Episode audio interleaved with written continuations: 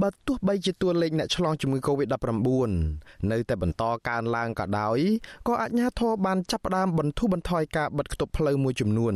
ជាពិសេសផ្លូវក្នុងតំបន់ដែលមានអ្នកឆ្លងជំងឺនេះតិចតួច។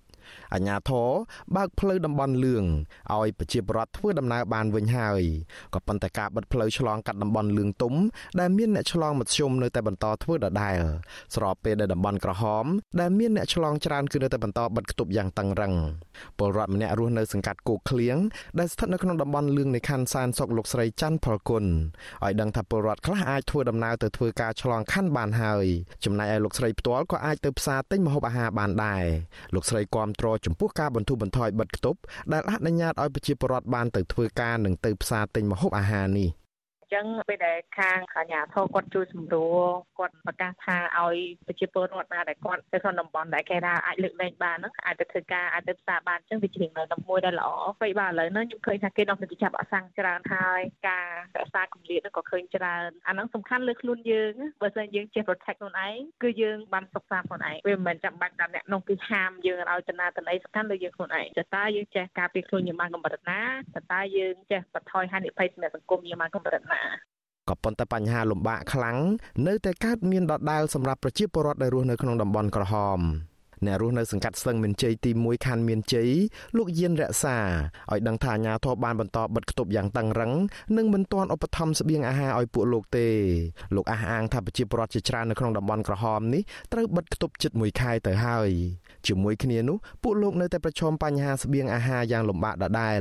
លោកទទូចឲ្យអាជ្ញាធរពន្យាការចែកអំណោយឲ្យប្រជាពលរដ្ឋនៅក្នុងតំបន់ក្រហមឲ្យបានឆាប់ខ្ញុំគិតថាប្រមុខរដ្ឋាភិបាលគួរតែមានយន្តការរបស់គាត់យ៉ាងល្អប្រសើរគឺតាមរយៈការចែកស្បៀងរបស់គាត់ឲ្យបានត្រឹមត្រូវប៉ុន្តែតាមមូលដ្ឋានទៅពីព្រោះមេភូមិមេឃុំគាត់ដឹងតាតំបន់ណាពិបាកខ្លាំងអំណោយនឹងចែកដល់ដៃប្រជាពលរដ្ឋទៅយើងគិតថាបញ្ហា concern ត្រូវបានបញ្ចប់ទៅហើយប៉ុន្តែនៅគណៈពេលនេះអត់មានអញ្ចឹងទេបាទអត់មានអញ្ចឹងទេចែកដោយមុខតាមខ្ញុំដឹង ជុំវិញរឿងការបន្ធូរបន្ថយបិទគប់និងបើកផ្លូវធ្វើដំណើរនេះអ្នកនាំពាក្យស្នងការដ្ឋាននគរបាលរាជធានីភ្នំពេញលោកសានសុកសីហាឲ្យដឹងថានគរបាលអនុវត្តតាមសេចក្តីសម្រេចរបស់អាជ្ញាធររាជធានីភ្នំពេញដែលអនុញ្ញាតឲ្យមានការធ្វើដំណើរនិងការបើកអាជីវកម្មឡើងវិញនៅក្នុងតំបន់លឿងនៅតំបន់លឿងទុំលោកឲ្យដឹងទៀតថាមានប្រជាពលរដ្ឋជាច្រើនបានធ្វើដំណើរនិងចេញមកប្រកបអាជីវកម្មឡើងវិញក្នុងតំបន់មិនសូវប្រឈមទាំងពីរនេះ។ តែទោះជាយ៉ាងនេះក្តីពួកគាត់ត្រូវតែអនុវត្តឲ្យបានខ្ជាប់ខ្ជួននៅវិធានការសុខាភិបាលដែលអាជ្ញាធរបានដាក់ចេញតាមតំបន់នីមួយៗដើម្បីកាត់បន្ថយការឆ្លងរីករាលដាលនៃជំងឺ Covid-19 នេះ តំបន់លឿងគឺគាត់អាចមានសិទ្ធិចេញចូលធ្វើការបានប៉ុន្តែលើកលែងនឹងស្របតាមការអាជីវកម្មអីខ្លះដែលខាងសាលារៀនភ្នំពេញបានកំណត់ហើយចំពោះលឿងទុំលើកលែងតែលក្ខណៈចាំបាច់ដែលគាត់មានឯកសារត្រឹមត្រូវជាទូទៅក៏មានការរឹតបន្តឹងដែរទាក់ទងនឹងតំបន់លឿងទុំព្រោះតំបន់លឿងទុំក៏វាគៀកទៅនឹងតំបន់ក្រហមដែរត្រាវាក៏វាគួរសមដែរអញ្ចឹងណា កាលពីថ្ងៃទី29ខែមេសានគរបាលបានដករបាំងកាត់ទទឹងផ្លូវមួយចំនួននៅក្នុងរាជធានីភ្នំពេញនិងក្រុងតាខ្មៅ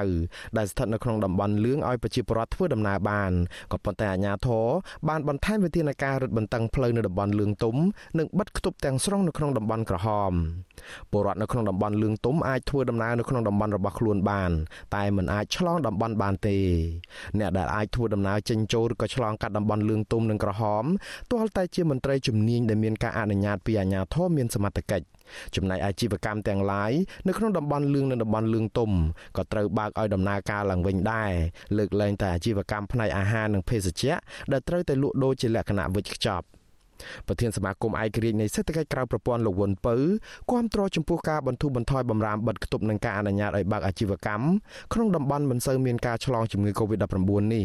បើទោះបីជាយ៉ាងនេះក្តីលោកជំរុញឲ្យអាជ្ញាធររៀបចំទីតាំងឲ្យអាជីវករបានលក់ដូរតាមវិធានការគម្លាត និងធានាថាទាំងអ្នកលក់និងអ្នកទិញមានសុវត្ថិភាពដូចគ្នា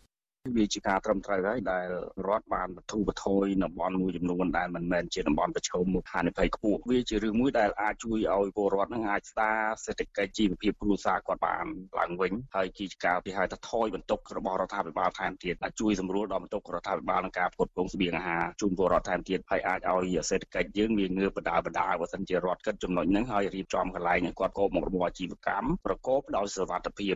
ជាមួយគ្នានេះលោកនាយរដ្ឋមន្ត្រីហ៊ុនសែនប្រកាសថាលោកនឹងមិនបន្តបិទគប់រាជធានីភ្នំពេញនិងក្រុងតាខ្មៅនៃខេត្តកណ្ដាលទាំងស្រុងតទៅទៀតទេនៅក្រៅថ្ងៃទី5ឧសភានោះលោកនឹងអនុញ្ញាតឲ្យប្រជាពលរដ្ឋធ្វើដំណើរជាប្រក្រតីឡើងវិញក្រោយការបិទគប់រយៈពេល3សប្តាហ៍